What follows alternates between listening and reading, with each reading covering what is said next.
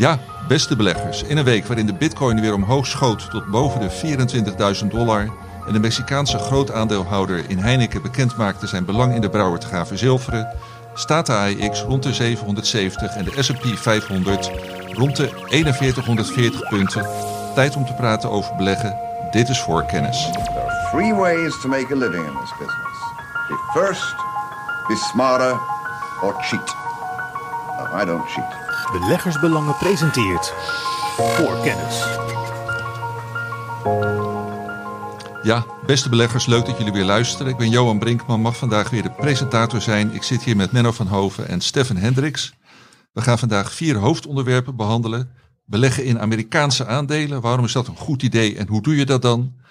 En waarom is eh, beleggen in industriële gassen een goede zet? En hoe waren de jaarcijfers van de bedrijven die zich hierin hebben gespecialiseerd?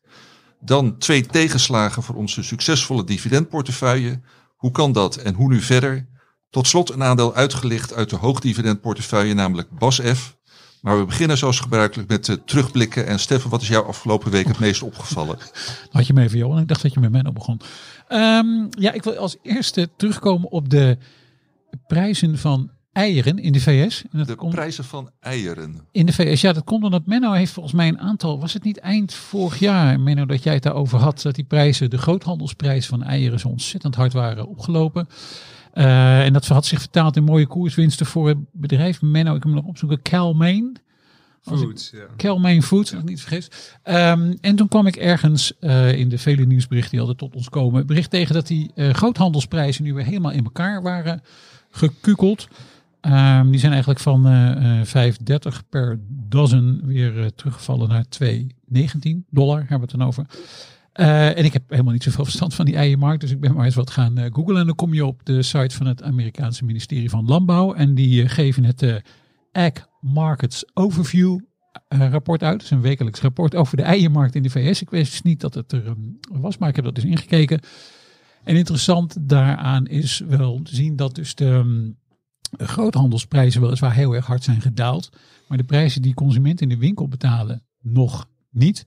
En dat heeft volgens dit rapport ook deels te maken met het feit dat uh, de retailers nog bezig zijn met het wegwerken van de voorraden die ze tegen hoge prijzen hebben aangekocht. En kennelijk is er ook wel een, uh, een afnemende vraag van consumenten naar eieren die zo hard zijn opgelopen.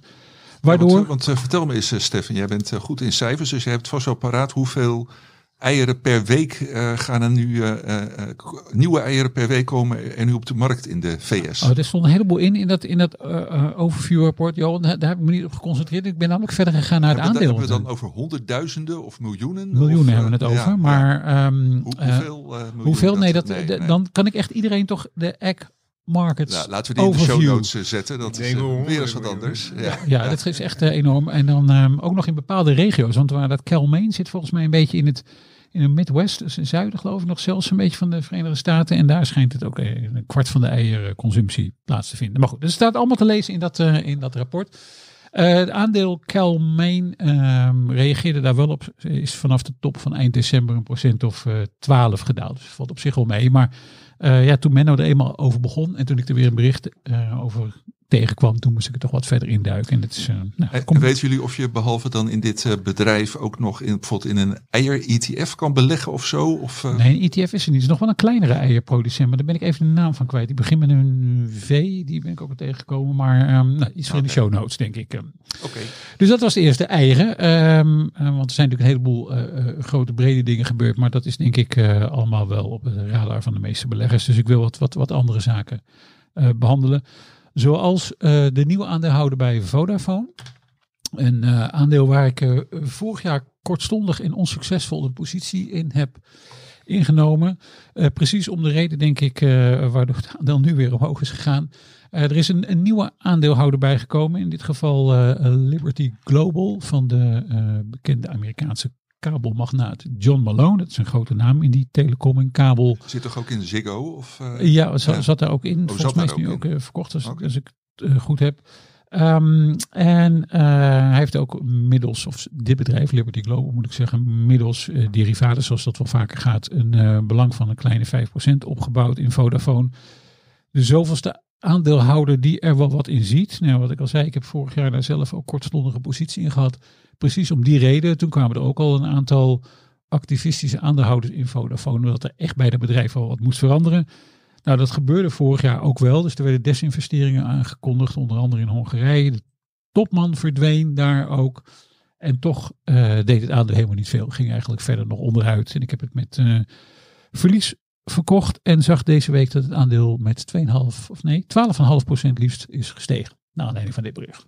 Oké, eh, wetenswaardig. Wetenswaardig en jammer voor mij, maar wel goed voor de aanhouders van Vodafone. En wie weet nu wat, eh, eh, wat langdurige verandering, want daar, eh, nou, het bedrijf is wel wat aan wat herstructureringen toe, denk ik. En het laatste, ehm nou ja, er was natuurlijk een week ook weer met- vol met bedrijfscijfers. Eh, nou, Menno let dan natuurlijk voornamelijk op de cijfers uit de dividendportefeuille, hè, de aandelen die erin zitten. Ik doe dat voor de hoogdividendportefeuille. Nou, er was een aantal eh, vandaag, deze donderdag, die we spreken, 16 februari uit mijn hoofd. Eh, NN Group en Orange NN Group met een mooie dividendverhoging eh, over heel 2022 uit mijn hoofd 12 procent. Kijk ook even met een schuin oog naar Menno of die dat misschien ook kan bevestigen. Men ook knikt. Uh, Menno knikt, dat is goed. Orange ongewijzigd zoals het al jarenlang ongewijzigd is. Met dividendrendement blijft met een kleine 7% wel vrij hoog. En eind vorige week was er dan Enel, een van ehm, de twee hoofdpijndossiers uit de hoogdividendportefeuille. Die andere komen straks terug, pas even zoals je al zei.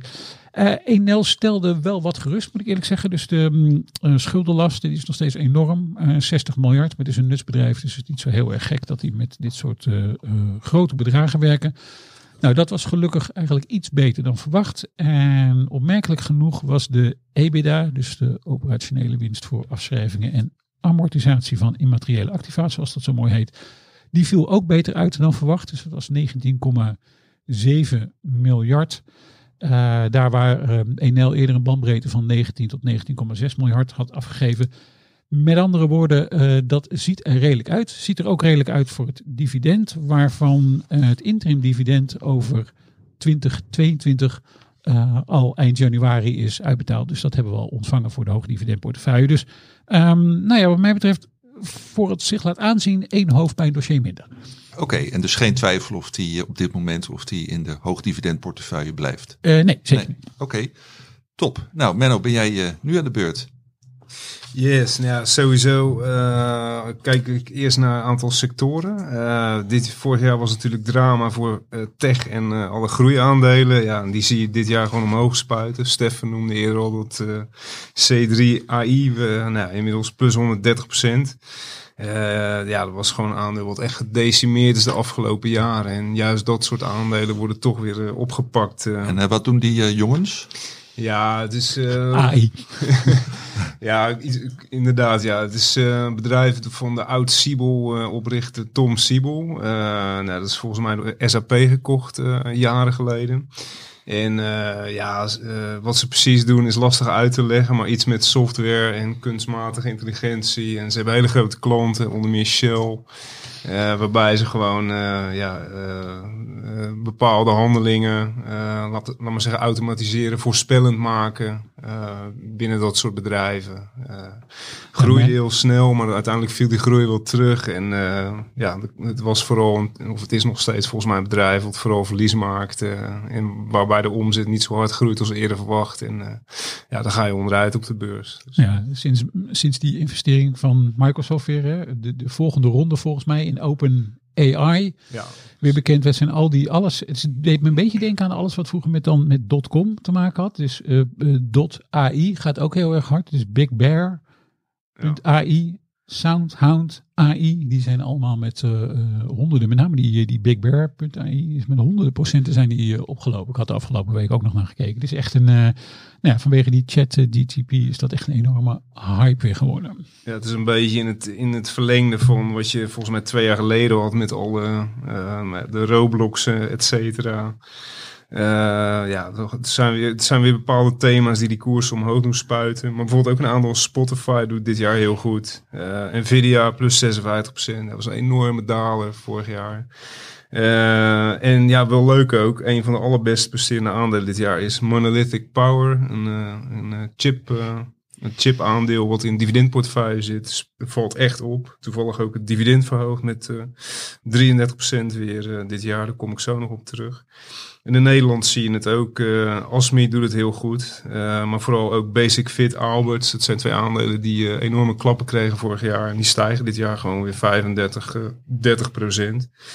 En dividendportefeuille zie ik dat bij SEB. dus een beetje de losers van vorig jaar. Die zijn gewoon heel goed eh, begonnen. En ja, soms met extreme uitschieters. Ja, een ander puntje natuurlijk. eh, op dit moment stroomt het dividendnieuws binnen van alle kanten. Ja-cijfers in Europa, maar ook in de VS gaan vaak gepaard met een dividendaankondiging. Eh, ja, opvallend vond ik vandaag Nestlé, eh, dividend 5% omhoog ruim. Dat is eh, ja, forser dan de afgelopen jaren. Eerder was het al Sanofi wat met bijna 7% eh, verhoogde. Dus in die zin ja, is dat wel een opmerkelijke ontwikkeling. Eh Nestlé volgens mij wel slechte cijfers vandaag. Ik weet niet wat de koers doet, maar de headlines waren niet goed. Nee, precies. dus misschien dat ze daarom dat dividend een extra zetje geven, om dat wat te counteren. Ehm, ja, en ook wat, wat ook wel opvalt, eh, in Nederland, eh Ahold, 10% dividend erbij, weer Heineken, hele forse verhoging, betaalt volgens mij zelfs het hoogste dividend ooit eh, op dit moment, na de hele corona-ellende met schrappen, CQ verlagen. Dus die pakken het mooi weer op. En eh, ja, nog eentje, eh, Randstad. De afgelopen jaren telkens een regulier en een speciaal dividend. Dit jaar geen speciaal dividend, wel een uh, fors hoger regulier dividend. Dus ja, ook wel opmerkelijk. Ik denk dat veel mensen, beleggers, stiekem toch wel vanuit waren gegaan dat ze in oktober weer een tweede dividendje konden ontvangen. Nou, dit jaar dus niet. Wel extra aandelen inkopen. Kijk ook even naar Stefan, als Ja. ik me niet vergis. Ja, ja nee, dat is op zich wel opvallend inderdaad. Maar goed, evengoed nog eh, bijna 5% dividendrendement, eh, geloof ik. Dus eh, zo slecht is het allemaal niet. En ja, tot slot ook wel een aantal flinke dividendverlagingen. Eh Castellum, eh, die begon eind vorig jaar mee. Zweeds vastgoedfonds, wat in dividendportefeuille zat.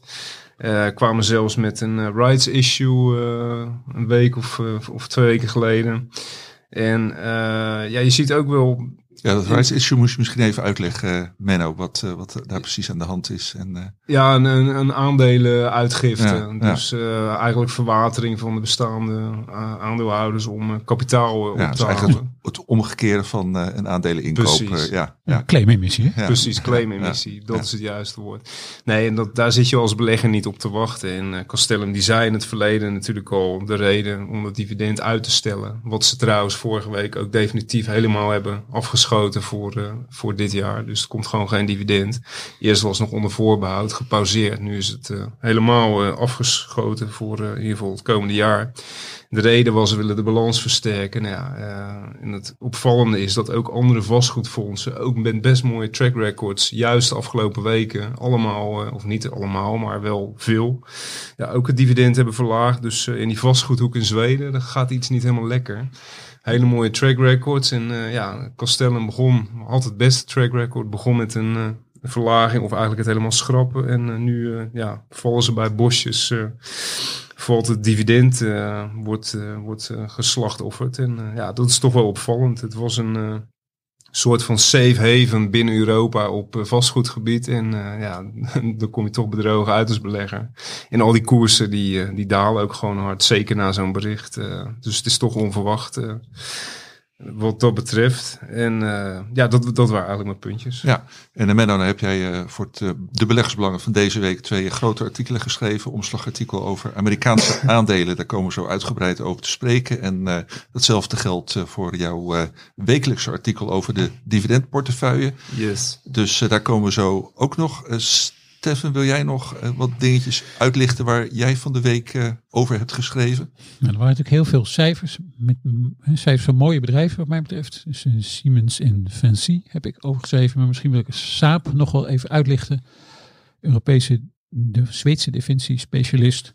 Een paar weken geleden getipt. Koers hard opgelopen. Zowel mooie cijfers als mooie vooruitzichten. Met name die vooruitzichten waren wel opvallend. Want Saab was een bedrijf dat ging voor geleidelijke groei. Dus een 5% autonome omzetgroei. En de doelstelling is, nou ja, de aanleiding is allemaal bekend en is treurig natuurlijk. Uh, oorlog in Oekraïne. En die doelstelling is nu gewoon verdubbeld naar een uh, 10% autonome groei voor de periode 2023, 2027. Nou, dat zegt denk ik wel alles over de situatie in Europa. Ja, en de analyse over dit aandeel staat in de beleggersbelangen van deze week. Voor kennis. We gaan snel naar het uh, eerste hoofdonderwerp. Uh, Menno, uh, beleggen in Amerikaanse aandelen. We vonden het vorige week tijd om jou daar eens een groot artikel over te laten schrijven. Eigenlijk een klein beetje gericht niet op de heel ervaren belegger. Of in ieder geval niet de ervaren belegger in Amerika. Maar ja, mensen die daar, beleggers die daar nog niet zoveel ervaring mee hebben. En nou, jij bent bij uitstek iemand die al, al jarenlang ook... Uh, bij beleggersbelangen roept van ja, voor beleggen moet je eigenlijk in Amerika uh, zijn. Uh, maar ja, leg eens even in een paar zinnen uit voor mensen die dat niet zo op het oog hebben, wat ja, beleggen in Amerikaanse aandelen voor jou zo aantrekkelijk maakt. Ja, sowieso is het aanbod gigantisch. vele duizenden, duizenden aandelen, ook in ja, bepaalde hoeken, sectoren die je waarschijnlijk niet in Europa en zeker niet in Nederland terugvindt. Vooral ja, heel veel innovatieve nieuwe bedrijven, maar ja, ook uh, andere bijvoorbeeld, ja, nou, noemen ze een farmaceut. Hebben we een farmaceut in Nederland, Stefan? We komen niet verder dan Galapagos eigenlijk, hè? Als, als groot biotech, maar een, een, een, echte grote klassieke farmaceut. Nee, die, die is trouwens ook in Amerika Die liefst genoteerd. ook nog een dividend betaalt, dus ja. helemaal om. Ja, die farmaceut is eigenlijk uh, Organon, hè, wat ooit uh, Axel was, overgekocht door Merck en nu uh, weer afgesplitst door Merck en in de VS genoteerd. En inmiddels een dividend betalend ook. Nee, dus wat dat betreft, keuze is reuze. Maar uh, ja, er zijn gewoon een, vooral een aantal kenmerkende verschillen. En uh, ik kijk dan natuurlijk uh, altijd naar het dividend. Amerikaanse bedrijven betalen standaard een kwartaaldividend. Sommigen zelfs een maandelijkse dividend. Kom ik zo ook nog op terug. met een leuk voorbeeldje die de meesten wel zullen kennen uit dividend of hoog dividendportefeuille.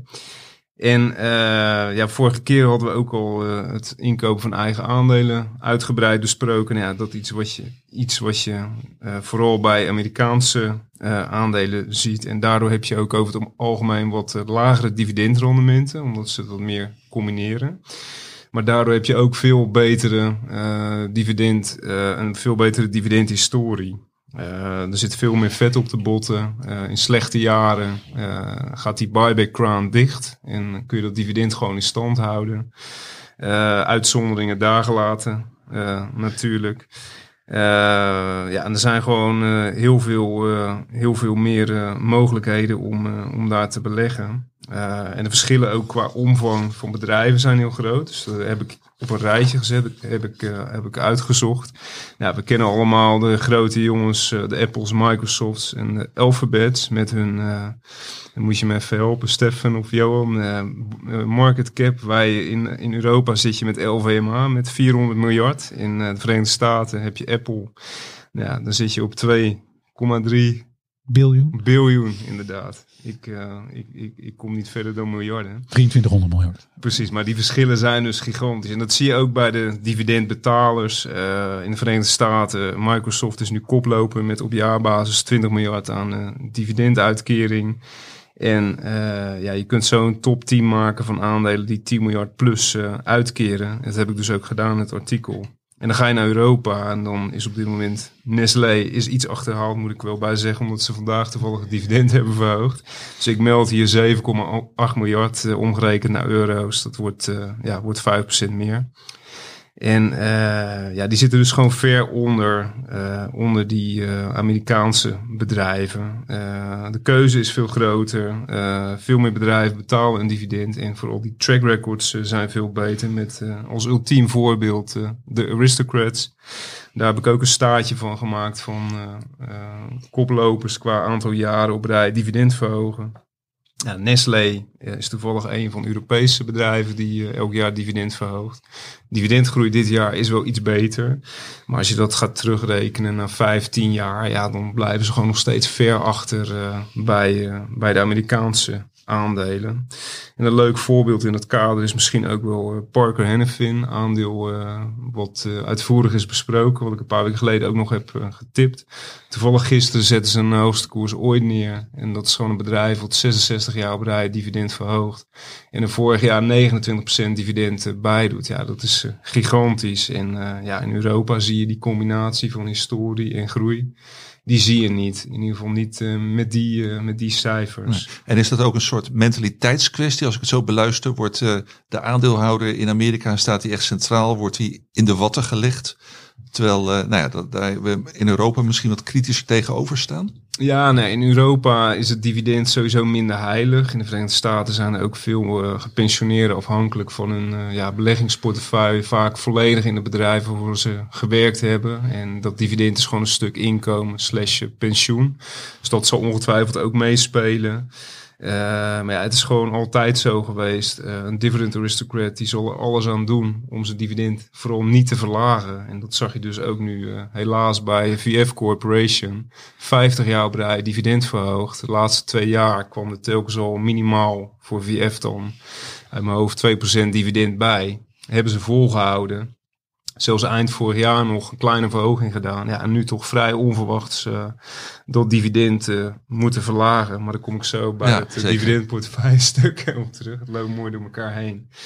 Nee, dus dat zullen ze echt tot het laatste moment uitstellen. Terwijl bijvoorbeeld uh, wat je tijdens corona zag bij LVMH. Die knallen gewoon dat dividend omlaag. Terwijl Ja. die er gewoon relatief gezien fantastisch voor stonden. Enorme sterke balans, cashflows. Ja. Totaal geen reden om te verlagen. En nu betalen ze gewoon een hoogste dividend ooit.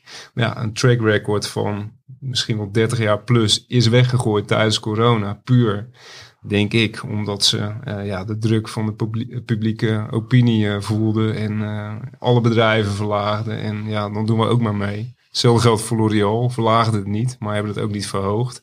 Ja, en dit jaar verhogen ze gewoon met 25%. Ja, had dan gewoon ook eventjes in 2020 eh, een centje erbij gedaan. Dan was je je mooie 30 jaar plus track record eh, niet kwijt geweest. Dus dat is wel een verschil. In Europa ja, wordt er veel minder waarde aan gehecht. En eh, beleggers volgens mij, ja, die realiseren zich dat ook veel minder in Europa. Hey, en nou weten we dat jij voor, jou, eh, voor jouw dividend, voor onze dividendportefeuille eh, van beleggersbelangen, eh, nou ja, 60, 70 procent is, zijn Amerikaanse aandelen.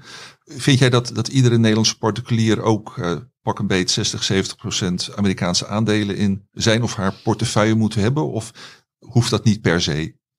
Nou, niks, niets hoeft natuurlijk, maar eh, ja, ik zou daar zelf wel gewoon echt de basis van mijn portefeuille omheen bouwen. Eh, ook mede vanwege het feit, en dan vooral voor, kijk ik, of denk ik aan de kleinere beginnende beleggers, dat je gewoon eh, tegenwoordig tegen zeer lage kosten eh, ja, een heel mooi gespreide portefeuille kunt opbouwen. Eh, nou, we kennen allemaal de, de discount brokers en je weet allemaal wat je betaalt voor één transactie in de Verenigde Staten.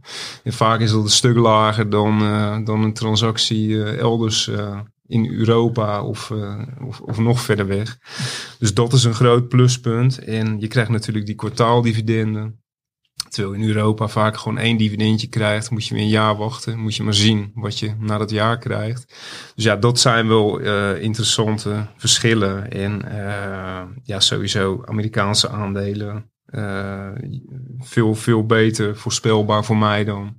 Vaak ook veel meer door analisten gevolgd. En je kunt er veel meer als particuliere belegger ook zelf over terugvinden. De informatievoorziening is beter voor de Verenigde Staten. Uh, dus in die zin zou ik daar altijd wel het grootste deel van mijn portefeuille in, uh, in investeren. Maar ja, hoe meer spreiding wereldwijd, hoe beter natuurlijk. alleen het hangt helemaal vanaf hoeveel je te besteden hebt en wat, je, wat je beleggingsdoel is. Hey, en dan had je in het uh, artikel uh, ook een, uh, een alfabet gemaakt. Ja, en, ja ik was het bijna vergeten, Johan. Heel goed dat je het zegt. Ja, ja, ja. en ja, vertel, want een alfabet en, en aandelen beleggen, dat, dat, zijn niet de twee dingen waar je automatisch aan denkt. Maar wat... Nee, precies. Nou, want in Europa, Nederland, ja, als iemand een aandeel wil kopen, dat hebben wij vaak met onze abonnees, dan vragen ze wat is de easing-code? Dat is een veelgebruikte code uh, om, een, uh, om een aandeel, of althans de juiste notering te achterhalen. In de Verenigde Staten doen ze dat anders. Uh, dan werken ze met ticker symbols. En ja, vaak zijn dat vier, vier letters. dat zijn meestal de Nasdaq aandelen. de New York Stock Exchange aandelen zijn er vaak twee of drie. Bekende voorbeelden. DE voor John Deere.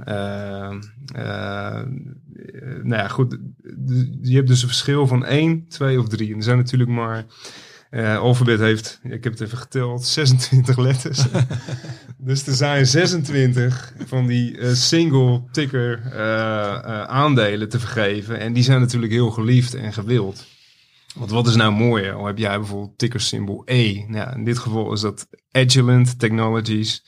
Eh, is, was voorheen was het onderdeel van, eh, van Hewlett Packard. En die tickersymbool was ooit in handen van, eh, van het Zweedse Astra, wat toen fuseerde met Seneca. Dat is helemaal Steffen zijn, zijn hoek natuurlijk. En ja, toen zijn ze van de beurs, of althans die notering is van de beurs gehaald. En die kwam vrij. En dat is toen Agilent Technologies geworden, wat overigens een ja, best wel een mooi bedrijf is. Heel mooi bedrijf.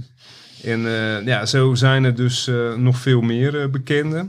Er zijn nog, laat ik daarmee beginnen, er zijn op dit moment vijf vakant. In de zin van dat er geen aandeel bij hoort. De I, nou ja, zou bijvoorbeeld Intel kunnen zijn, maar die zit op Nasdaq met INTC. In het verleden was er, als ik mag geloven, sprake van dat ze hebben geprobeerd Microsoft bij de Sto- Stock Exchange binnen te halen. Eh, ja, dan met de ticker M. Uiteindelijk is die naar eh, Macy's gegaan, het, eh, de warenhuisketen. Dus er is een tijd geweest dat bedrijven daar weer heel veel waarde aan hechten. Ik vind het vooral zelf, ja, als belegger vind ik het mooi als je een aandeel hebt gewoon met één letter, één letterige ticker. Het ziet er gewoon cool uit. Het is makkelijk. Je hoeft maar één dingetje in te kloppen. En eh, ja, ik vind het gewoon wel wat hebben. Eh, en er zijn er dus op, dit moment maar eh, 24 vij- of eh 21 eh, met zo'n eenletterig symbooltje. En er zal ik er nog een paar van, van toelichten. Ja, Citigroup, de C, spreekt voor zich. Ford, de F. Kellogg, zat ooit in de dividendportefeuille. De K. AT&T, de T. Visa, de V, creditcardmaatschappij natuurlijk. En eh, ja, Realty Income zit nu in de hoog, eh, hoog dividendportefeuille. Eh, toevallig eh, van de week weer dividend verhoogd, eh Stefan. Dat Ja. weet je ongetwijfeld ook. Zeker. Met, met ruim 2%. Terwijl ze vorig jaar uit mijn hoofd maar eh, 0,8 over het hele jaar deden. Dus op zich is dat een mooie start voor Realty Income. En dat is echt ja, dat is een heel populair aandeel onder vooral particuliere beleggers ook in de Verenigde Staten en Europa. Betalen elke maand dividend, gaat vier, vijf keer per jaar omhoog. Kleine beetjes, maar heel voorspelbaar. En eh, ja, veel eh, Amerikanen gebruiken dat ook gewoon als eh, maandelijks inkomen om hun rekeningen mee te betalen. Dat is echt, ja, in Europa heb je dat dus bijvoorbeeld niet. Een bedrijf wat vier of twaalf keer per jaar dividend betaalt. Ja, er is er eentje uit mijn hoofd, maar ja, daar wil je denk ik nu ook niet in, in beleggen. Nou, ben ik toch benieuwd welk aandeel het is. Zweeds, ja, de naam is me even ontschoten, maar het is Zweeds vastgoed ook. Oké, nou, daar moeten we van helemaal- afblijven. Ja, ja. dus daar wil je ook niet in nu. Ehm, ja, eh, een andere interessant is Wayfair. Dat is echt een eh, online, eh, een e-commerce bedrijf in, eh, in huis, huis, homewares. Ik heb het allemaal opgeschreven. Ik ben een beetje de... eh, Je vergeet die J, Menno. Die heb ik, ja, die heb ik zelf in ja, portefeuille. daar kwam ik zo nog Oh. op inderdaad. Die hebben we al een paar keer Maar die voorbij. zit wel voor de K, hè? dat weet je. Nou, gooi jij dan eventjes de J er tussendoor, Stefan. Eh, die J is van Jacobs. vroeger, vroeger engineering, tegenwoordig Jacobs Solutions. Een heel mooi bedrijf. Oh, Precies, en verhoogde dividend ook elk jaar. Dat, eh, nee, eh, dus ja, wat kan ik er verder nog over zeggen? De kleinste van het gezelschap qua market cap is, is Barnes Group, beurswaarde van 2,3 miljard. Dat is een aandeel ja, die weinig mensen zullen kennen. Ik moest zelf ook eventjes, ik wist wel van de ticker. Maar qua activiteiten moest ik ook induiken. Het is een toeleverancier eh, aan de industrie en luchtvaart. Eh, maken onder meer reserve, onderdelen, spare parts voor vliegtuigen. Eh, met 50% van de omzet in de Verenigde Staten. Eh, maar kijk je naar die omzet over de laatste jaren? Ja, is vrij vlak. Dan weer wat erbij af. Ja, ben ik niet erg van onder de indruk. En ik kijk dan ook natuurlijk naar dividend, wat al vlak is sinds 2018. Dus ja, dan eh, haak ik af, zeker met een KW van 23. Maar ja, het zijn wel, eh, ja, eh, dus dit, dit is wel een vreemde eet in de bijt wat dat betreft. met die eenletterige ticker symbolen. Nou, kan ik er nog eentje eruit vissen. En ja, dat is eigenlijk wel een heel mooi aandeel. Wat ooit ook volgens mij in de defensieve portefeuille heeft gezeten. Loose Corporation, als ik het goed uitspreek. Ticker symbol L. Eh, het is een holding eh, onder controle van de Tisch family. Eh, nou, dat is een, ik heb daar in het verleden heb ik me daar wel in verdiept. Ik weet precies hoe die hoofden eruit zien.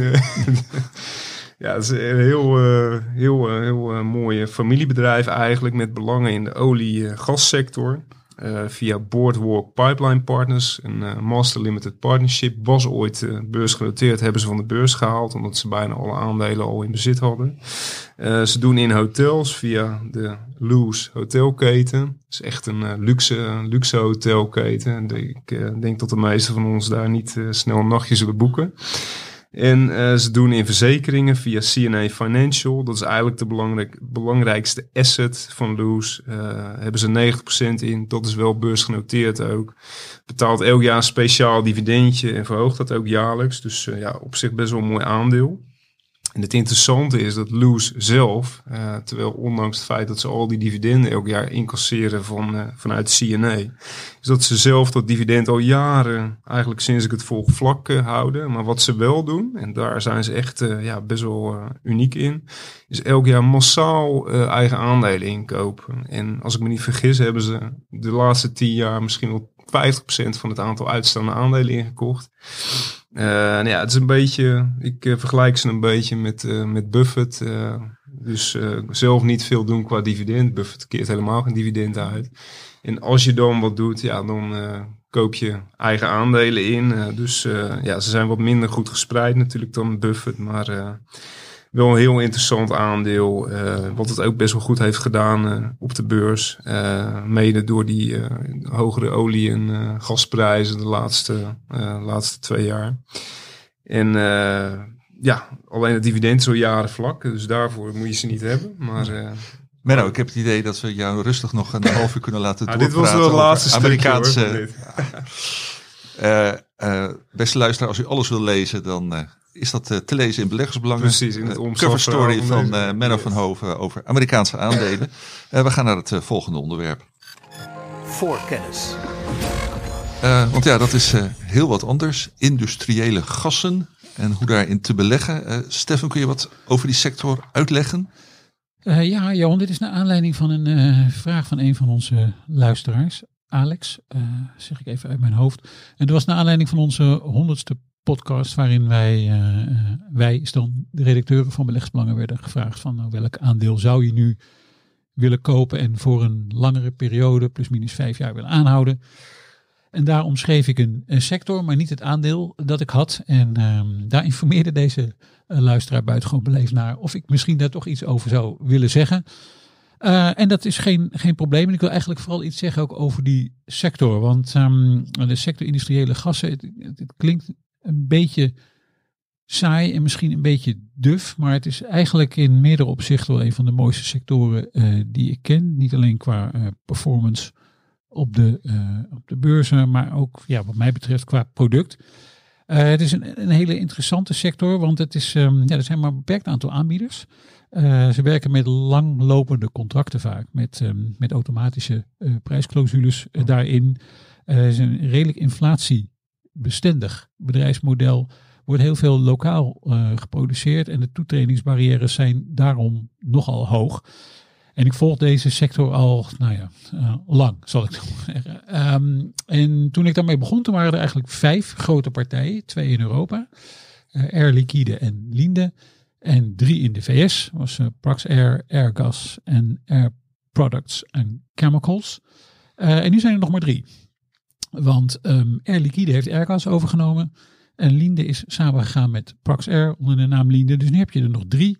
Die met z'n drieën denk ik ongeveer een marktaandeel hebben van een procent of uh, 75. Waarbij um, Air Liquide en Linde echt verreweg de twee grootste zijn.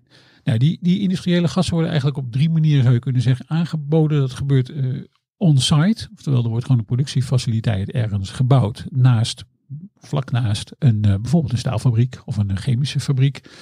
Uh, dan uh, worden die gassen ook nog wel eens zeg maar, in, in, in bulk vervoerd. Dus dat zijn die grote vrachtwagens die je wel ziet rijden. Of, of in tankers gebeurt het ook wel.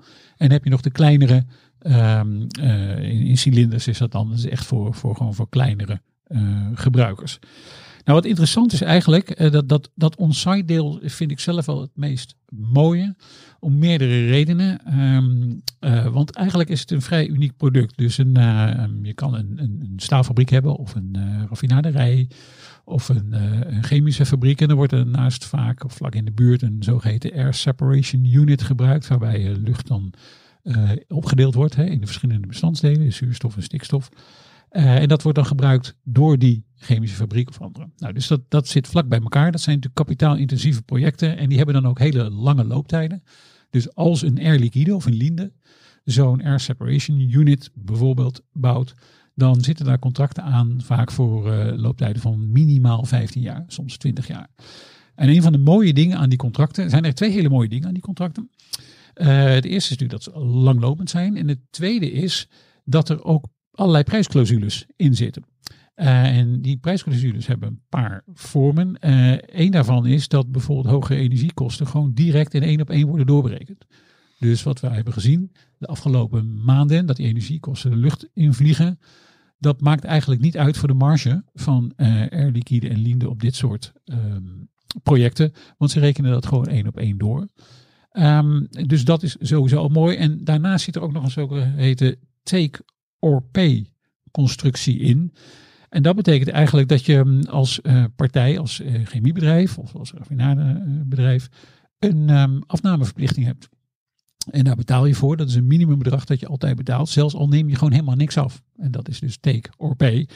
En dat heeft ervoor gezorgd dat dit soort bedrijven, zoals een Air Liquide en een Linde, echt ongelooflijk stabiele winsten door de jaren heen hebben gerealiseerd. En volgens mij is de winst per aandeel van Air Liquide, want dat is overigens het aandeel dat ik een portefeuille heb, voordat ik een hele lange aanloop neem, eh, al sinds 1998 niet meer is gedaald. Dus ook tijdens de kredietcrisis en ook tijdens de coronacrisis lag die winst nog steeds ietsje hoger. Uh, dus dat is een, ik vind het een ontzettend interessant uh, bedrijfsmodel eigenlijk. Uh, ook die andere contracten, hè, dus die, die, die vrachtwagens die rondrijden of die tankers, dat zijn contracten van drie tot zeven jaar. En er zitten ook vaak al prijsclausules in. Alleen bij die kleinere producten, die cilinders, daar, um, nee, die contracten lopen wat korter. en de prijsafspraken zijn minder strikt. Maar je hoeft maar een een, een, te luisteren van een Linde of een Air Liquide. En je hoort daar doorheen al hoe hard de prijsafspraken zijn. En dat komt omdat nogmaals die toetredingsbarrières vrij groot zijn. Het is niet zo makkelijk om van de ene producent te switchen naar de andere. Dus het is een, um, ja, ik vind het een echt extreem interessant bedrijfsmodel. Het, is een, het zijn mooie producten. En vandaag hadden we dus ook cijfers van het aandeel dat ik in portefeuille heb. Air Liquide. En die waren ook weer mooi. Dus een autonome omzetgroei van 7% tot bijna 30 miljard. Een autonome uh, uh, operationele winstgroei van meer dan 10% tot iets van 4,8 miljard. En een 12% hoger dividend van 2,95 per aandeel. Uh, prachtige sector.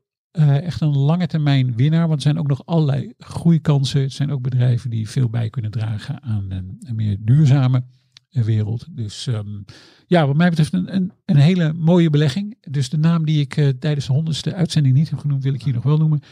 Uh, Air Liquide, heel mooi bedrijf. Oké, okay. en uh, nou ja, als het zo stabiel winstgevende bedrijven zijn met ja, relatief ja, weinig concurrentie en ook kleine kans dat er grote concurrenten bijkomen. Betaal je daar dan als belegger ook niet, niet fors voor in, ja, in het aandeel wat je koopt? Ja, zeker. Dat is een goede vraag. Je betaalt er fors voor. En sterker nog, je betaalt ook steeds forser voor. En de loop der jaren, want nee, toen ik, ik weet niet hoe lang geleden inmiddels die bedrijven begon te volgen. Nou, dat was 17, 18, 19 keer de winst. Om maar even een hele simpele koers-winstverhouding te gebruiken. Was niet ongebruikelijk. Dat is nu echt hoger. Dus ik, ik beleg zelf in Air Liquide. Hoewel Linde ook een schitterend bedrijf is, dat volgen wij ook. Echt een heel erg mooi bedrijf. Lang geprofiteerd ook van um, allerlei synergievoordelen van die fusie met Linde. Waardoor die winst, uh, eigenlijk winst en winstmarge heel erg hard zijn opgelopen.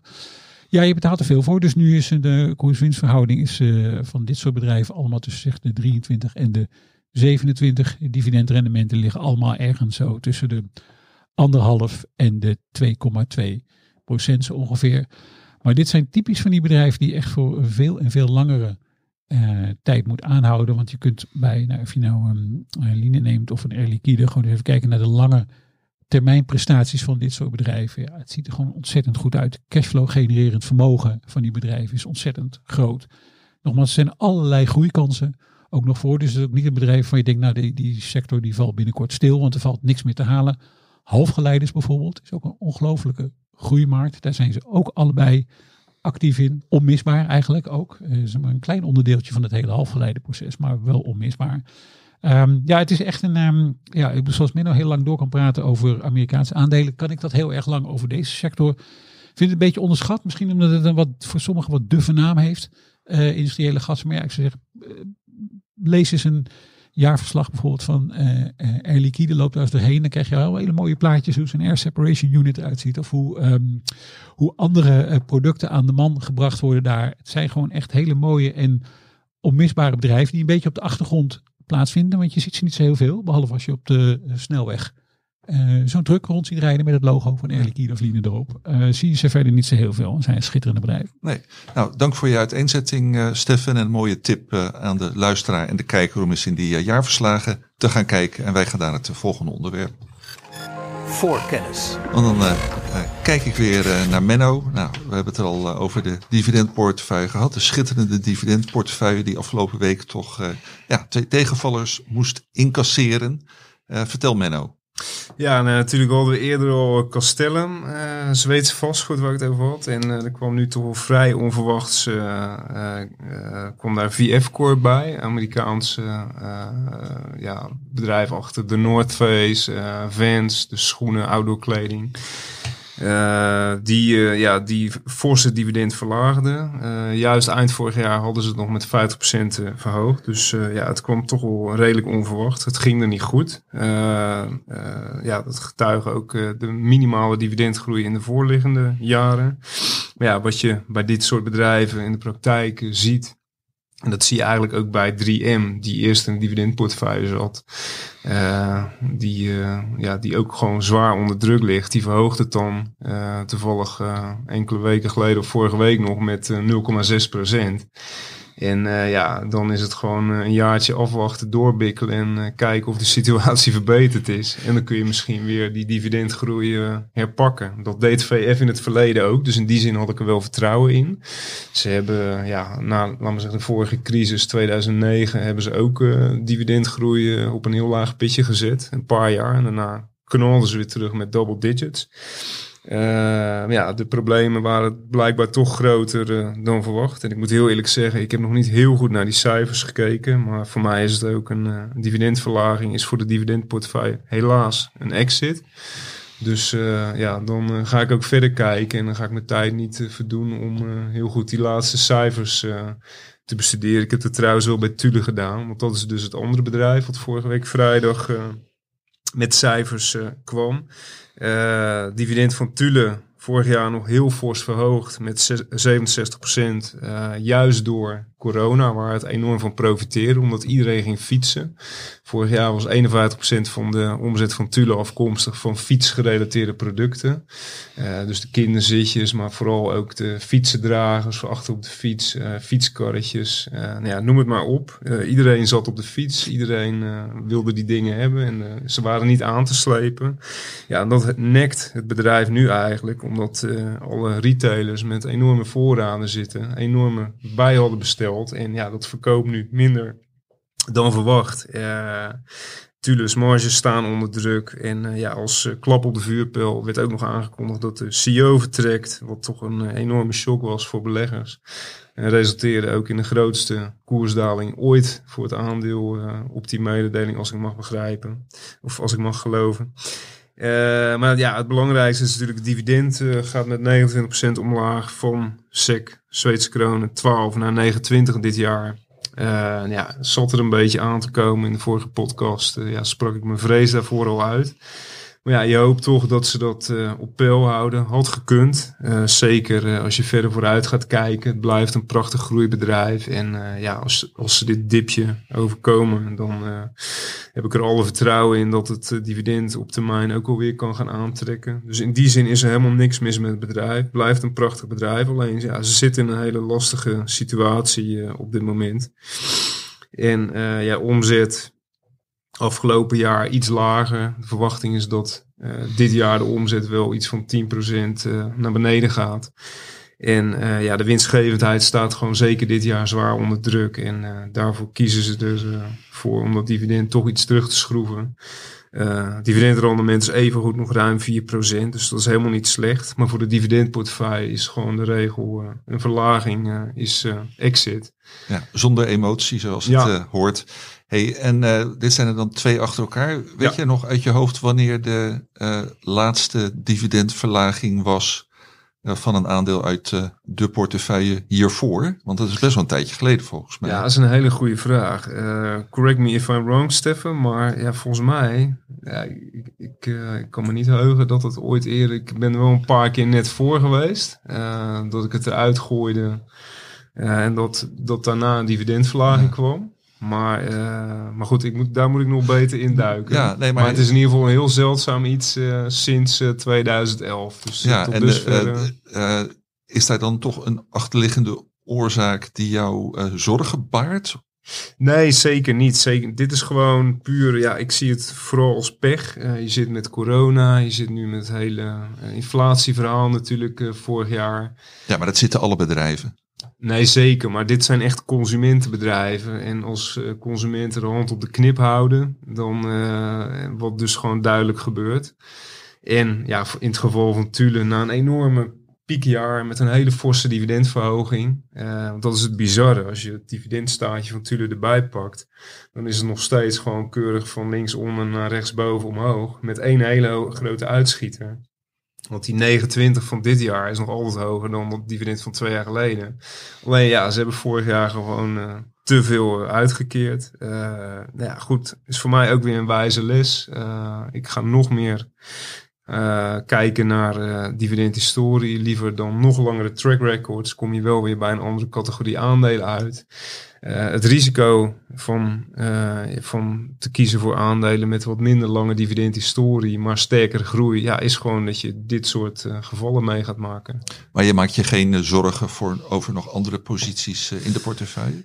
Nee, eigenlijk niet. Toevallig eh, was gisteren of eergisteren Orkla die gewoon weer het dividend herhaal of handhaaft, stabiel houdt. Eh, ja, het is gewoon een prachtig bedrijf wat al decennia lang een stabiel tot groeiend dividend uitkeert. Maar verder, en Aal deed er gewoon prachtig 10,5% bij. En verder gaat het eigenlijk gewoon fantastisch met de dividendportefeuille. Dus, dat is ook het, eh, ja, het, het, het, het kromme eraan.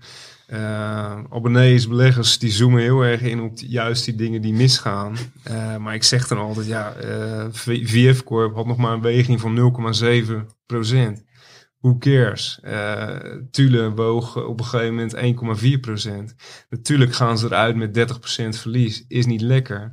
Maar op het totaal is het een heel klein stukje. En de rest van de portefeuille draait gewoon fantastisch. Qua dividenden, maar ook eh, qua koers eh, dit jaar. Ja, Ja, nee, zeker. Ja. Nee, ik noemde al uitschieter Monolithic Power. Dus er zitten een paar hele mooie uitschieters bij. Vooral de achterblijvers van vorig jaar. Maar ik kijk vooral koersen, kijk ik niet zozeer naar. Ik kijk vooral naar de ontwikkeling van het dividend. Ja. En ja, dat is gewoon bovengemiddeld goed eh, dit jaar. L'Oreal, ik noemde het al, 25% dividend erbij. PepsiCo 10%, Train 12, Microchip 9. Ja, maar Menno, dat is allemaal goed nieuws. Daar willen we het niet over hebben. Hè? Dat, eh, Nee, maar precies. En dat is juist het eh, frustrerende ja, voor mij soms. Het gaat gewoon fantastisch, maar er wordt zo ingezoomd op die paar Ja. bleeders. Ja, die, eh, we gaan gewoon lekker verder en we, we stoppen er een nieuw in of we herinvesteren het. Ik maak me daar niet zo druk om. Nee, nou, hartstikke goed. eh Menno, wil je er heel graag nog iets over zeggen? Of eh, kunnen we naar het eh, laatste hoofdonderwerp? Nee, eh, eigenlijk niet. Eh, Nee. Ja, dan eh, zet ik weer de muziekje op. Want eh, ja, eh, voor de hoogdividend portefeuille geldt ook eh, dat we eh, natuurlijk bovengemiddeld aandacht besteden aan de posities waaraan we twijfelen. Nou, een eh, van de twee twijfelgevallen die was eh, verdwenen, vertelde Stefan eerder deze podcast, namelijk eh, Enel. Er blijft een tweede twijfelgeval over. Bas wat is daarmee eh, aan de hand, Stefan?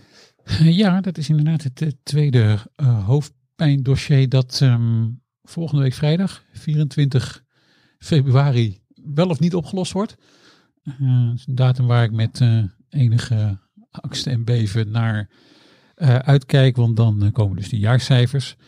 die cijfers zelf zijn op zich niet zo'n enorme verrassing, want medio januari heeft BASF alvast wat voorlopige jaarcijfers gepubliceerd. Een belangrijkste cijfer was daarbij een uh, netto verlies over heel 2022 van 1,4 miljard. En dan denk je, hoe kunnen die dan nog in hemelsnaam dividend überhaupt uit gaan betalen? Waarom heb je het toen niet al uit de portefeuille gegooid?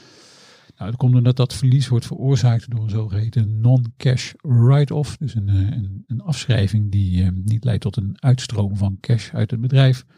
Op de olie- en gasdochter Winterschaal DEA, hier ook al vaker in de podcast helaas, zeg ik dan aan de orde gekomen. Um, alle Russische activiteiten van dat bedrijf worden helemaal uh, afgeschreven. En uh, dat betekent dat, dat dat deel is helemaal weg. En daar komt dus dat enorme verlies door. En dan is het even de vraag van hoe gaat Bas F nu verder om met dat dividend? Want daar is nog niks over gezegd. medio januari zijn dus alleen die voorlopige cijfers gepubliceerd zonder daar een dividendverwachting bij te noemen. En bij de presentatie van de uh, derde kwartaalcijfers werd er uiteraard ook al door analisten tijdens de presentatie van de cijfers naar gevraagd van ja, hoe moet dat nou? Want om even de, uh, de cijfers zeg maar in perspectief te plaatsen. Uh, Bas heeft over de eerste negen maanden van 2022 een free cash flow, want daar moet uiteindelijk het cashdividend uit betaald worden, gerealiseerd van 740 miljoen euro. En dat um, is nogal weinig als, het, uh, als de dividendbetaling in zijn totaliteit meer dan 3 miljard bedraagt per jaar. Dus dan, daar zit wel een, een klein gaatje in. En daar werd natuurlijk naar gevraagd. Daarvan zei um, de, de financieel topman meneer Engel. Ja, dat ziet er op zich natuurlijk beroerd uit. Maar er zijn een aantal andere zaken die gaan er um, nu in het vierde kwartaal wel anders worden. Dus er valt heel veel werkkapitaal vrij. En we verwachten nog wel een dividend van Wintershall te ontvangen. Uh, en dat dividend zou uh, uh, solide en robuust zijn, zei hij. Nou, dus zijn de analisten van JP Morgan is in die cijfers gedoken van Wintershaal. En die onderschrijven die conclusie wel. Dus die zeggen, nou ja goed, Wintershaal heeft een free cashflow van 1,16 miljard in het derde kwartaal. Dus die moet uiteindelijk makkelijk in dat vierde kwartaal een dividend betaald kunnen hebben aan Bas F. En dat zou dan bijvoorbeeld een dividend van ergens rond de 750 miljoen zijn. En dan komt Bas al een heel eind voor zijn eigen dividendbetaling. Het is een beetje een, een, soort optelsom dit. Uh, dus dat wacht ik nog even af. Uh, eigenlijk, ik ga er eigenlijk van uit, nu nog, naar de uh, woorden bij de derde kwartaalcijfers. En bij de ontwikkeling bij Wintershaal. Dat Bas F. wel dat dividend gaat betalen. Dus 3,40 per aandeel weer. En daar dus nog een keertje 3 miljard voor gaat uittrekken. Uh, maar zelfs als ze dat zouden doen, uh, dan is het nog steeds wel een, positie waar uh, ik me op iets langere termijn nog wel op zou willen beraden. Want groei zit er niet echt meer in. Nou is de hoogdividendportefeuille geen dividendgroeiportefeuille, dus het hoeft ook niet. Maar het is wel fijn als er een x aantal aandelen uit de portefeuille toch wel dividend enigszins kan laten groeien. En Bas F, ja, de druk zit er nog altijd wel op met hoge energieprijzen. Natuurlijk enorm verlaagd, maar nog steeds uh, relatief hoog. En een zware uh, investeringsbehoefte ook nog. Um, daar waar Bas F natuurlijk met Wintershaal een deel Russische activiteit had, wordt er nu heel erg geïnvesteerd in China, een hele belangrijke markt. Ja, dat roept ook weer vraagtekens op. Hè. Dan, dan ga je misschien van de ene uh, wat, wat autoritaire staat, zeg ik maar met gevoel van understatement over Rusland, naar een andere. Um, ja, daarvan zei zegt Bas F. zelf, ja, het is ook een risico om niet in China te zitten. Nou ja, dat is misschien uh, uh, nog een redelijke veronderstelling, maar ja, het geeft wel een beetje aan. Het, er zijn misschien wel andere uh, aandelen te verzinnen voor de hoogdividendportefeuille die ook een redelijk dividend uitkeren, waar dit soort risico's misschien niet meer in zit. Dus uh, hoe dan ook, de 24e zit ik in ieder geval klaar, s ochtends, om te kijken wat er met het uh, dividend van Bas F gebeurt. Uh, maar wat er dan ook gebeurt, in de tussentijd gaan we, blijven we onze lijsten met mogelijke vervangers wel vullen. Ja, en nou ook wat de hoogdividendportefeuille betreft, misschien toch ook even nadruk leggen op alle dingen die wel goed gaan. Want ja, heb je wat dat betreft, nou ja, ook aankondigingen gehoord uh, de afgelopen week? Of verwacht je aankondigingen die uh, ja, het beleid uh, van de portefeuille ondersteunen? Orange vandaag, hè? Ja. mooie stijgen toch? Orange, prima stijging. Zoals ik zei, dividend gehandhaafd. NN flink hoger, Sanofi flink hoger. Eerder al AbbVie um, hoger, totaal hoger en een uh, extra dividend, Chevron hoger. Dus het, het, Misschien moeten we gewoon het beide portefeuilles in elkaar schuiven. Het, het, ja, het gaat eigenlijk, uh, het gaat gewoon naar prima. Er is geen enkele reden om, uh, om nerveus te worden. Ja, jij ziet geen nieuwe hoofdpijndossiers opdoemen. Nee, in tegendeel. Ik vind eigenlijk dat er een, een aantal bedrijven juist heel erg positief verrast. Menno noemde al eerder Sanofi. Dat was ook een farmaceut bij wie dividend ook omhoog kroop. En die dan iedere keer wel zeggen, oh het is het, uh, het 19e en het 20e en het 21ste jaar van hoge dividend. En dan is er, komt er anderhalf of 2 procent bij in een doljaar. Uh, nou, daar word je natuurlijk helemaal niet zo blij van. Uh, maar afgelopen jaar had Sanofi echt hele goede cijfers. hele mooie winststijging. Nou ja, dan gaat het dividend ook 6,9 procent omhoog. Nou, dat viel reuze mee. Uh, Ahold zit ook in de hoogdividendportefeuille. Nou, dat heeft men ook al genoemd. Dividend ook mooi, hoger. Ja, dus er zitten weinig hoofdpijndossiers in. Er zijn wel posities van, ik denk, nou, dat had ook wel anders gekund. Pfizer bijvoorbeeld, uit mijn hoofd, een, uh, van 40 naar 41 cent per aandeel. Ja, voor een bedrijf dat bulkt van het geld, is dat wel een beetje mager. Die steken op dit moment hun geld het liefst in overnames om de, uh, om de pijplijn aan nieuwe medicijnen weer te vullen. Dat was wel wat mager. Ja, Orange gaat niet verhogen, dat weet ik. Maar KPN verhoogt wel een beetje. Was ook prima. Koers ontwikkelt zich uh, ook prima. Aparam heeft het niet makkelijk. Maar handhaaft gewoon het dividend. Dus eigenlijk van de 20 posities heb ik er bij 19 uh, inmiddels helemaal geen zorgen meer. En is uh, Bas F iets voor volgende week. Oké, okay, hartstikke goed. Voor kennis. We gaan uh, vooruitblikken eventjes kort. Menno, waar ga jij aankomende week speciaal op letten? Ja, nee, ik laat altijd op me, op me afkomen qua, qua nieuws, et cetera. Maar toevallig zag ik dat uh, morgen Sika, een van de nieuwe dividendportefeuille aandelen, met, uh, met cijfers komt. Dus uh, morgen is vrijdag. Precies, ja. vrijdag inderdaad. En ja, die heb ik uiteraard toegevoegd aan de dividendportefeuille vanwege het dividend. Vorig jaar een hele mooie sprong van 2,50 naar 2,90. Deze heeft een heel mooi track record. En uh, ja, het is gewoon een heel mooi groeibedrijf. En uh, ik, uh, ik hoop daar stiekem op een mooie dubbelcijferige dividendverhoging. dus laat me komen. Morgenochtend ben ik erbij. Ja, want het is de laatste nieuwe positie, geloof ik. Hè? Die is Ja, uit mijn hoofd inderdaad wel. Ja, nee, als vervanger van Castellum. Ja, ja. klopt. Oké, okay, nou, we zijn benieuwd. En je gaat er ongetwijfeld wat over schrijven in beleggersbelangen van, van volgende week. Uh, Stefan, waar kijk jij met name naar uh, vooruit? Nou, laten we het nog maar even bij de bedrijfscijfers houden dan. Volgende week Medtronic. Uh, een bedrijf dat het ook niet altijd even makkelijk heeft gehad. Volgende week dinsdag. Dus ik ben heel erg benieuwd hoe dat zich verder ontwikkelt. woensdag een nutsbedrijf. Iberdrola. daar verwacht ik eigenlijk gewoon hele stabiele resultaten. En een rustig doorlopend dividend. Eigenlijk ook wel een kandidaat altijd geweest voor de hoogdividendportefeuille Iberdrola. Um, en dan uh, de dag daarna komt uh, Henselt, ook een Duits defensiebedrijf, met de jaarcijfers en een disclaimer daarbij. Die heb ik ook zelf in portefeuille. Dus daar ben ik dan om meerdere redenen heel erg benieuwd naar. Oké, nou dank jullie wel voor jullie bijdrages weer, Steffen en, en Menno. Luisteraars en kijkers, bedankt voor het consumeren van dit uurtje beleggersinformatie. Uh, als jullie vragen hebben voor volgende week, uh, stel ze op uh, voorkennis.beleggersbelangen.nl. opnieuw Steffen en collega Karel Merks zitten hier volgende week met Maarten Butterman. En nou, nogmaals bedankt voor het luisteren. Een goede week en tot volgende week met, met Maarten dan.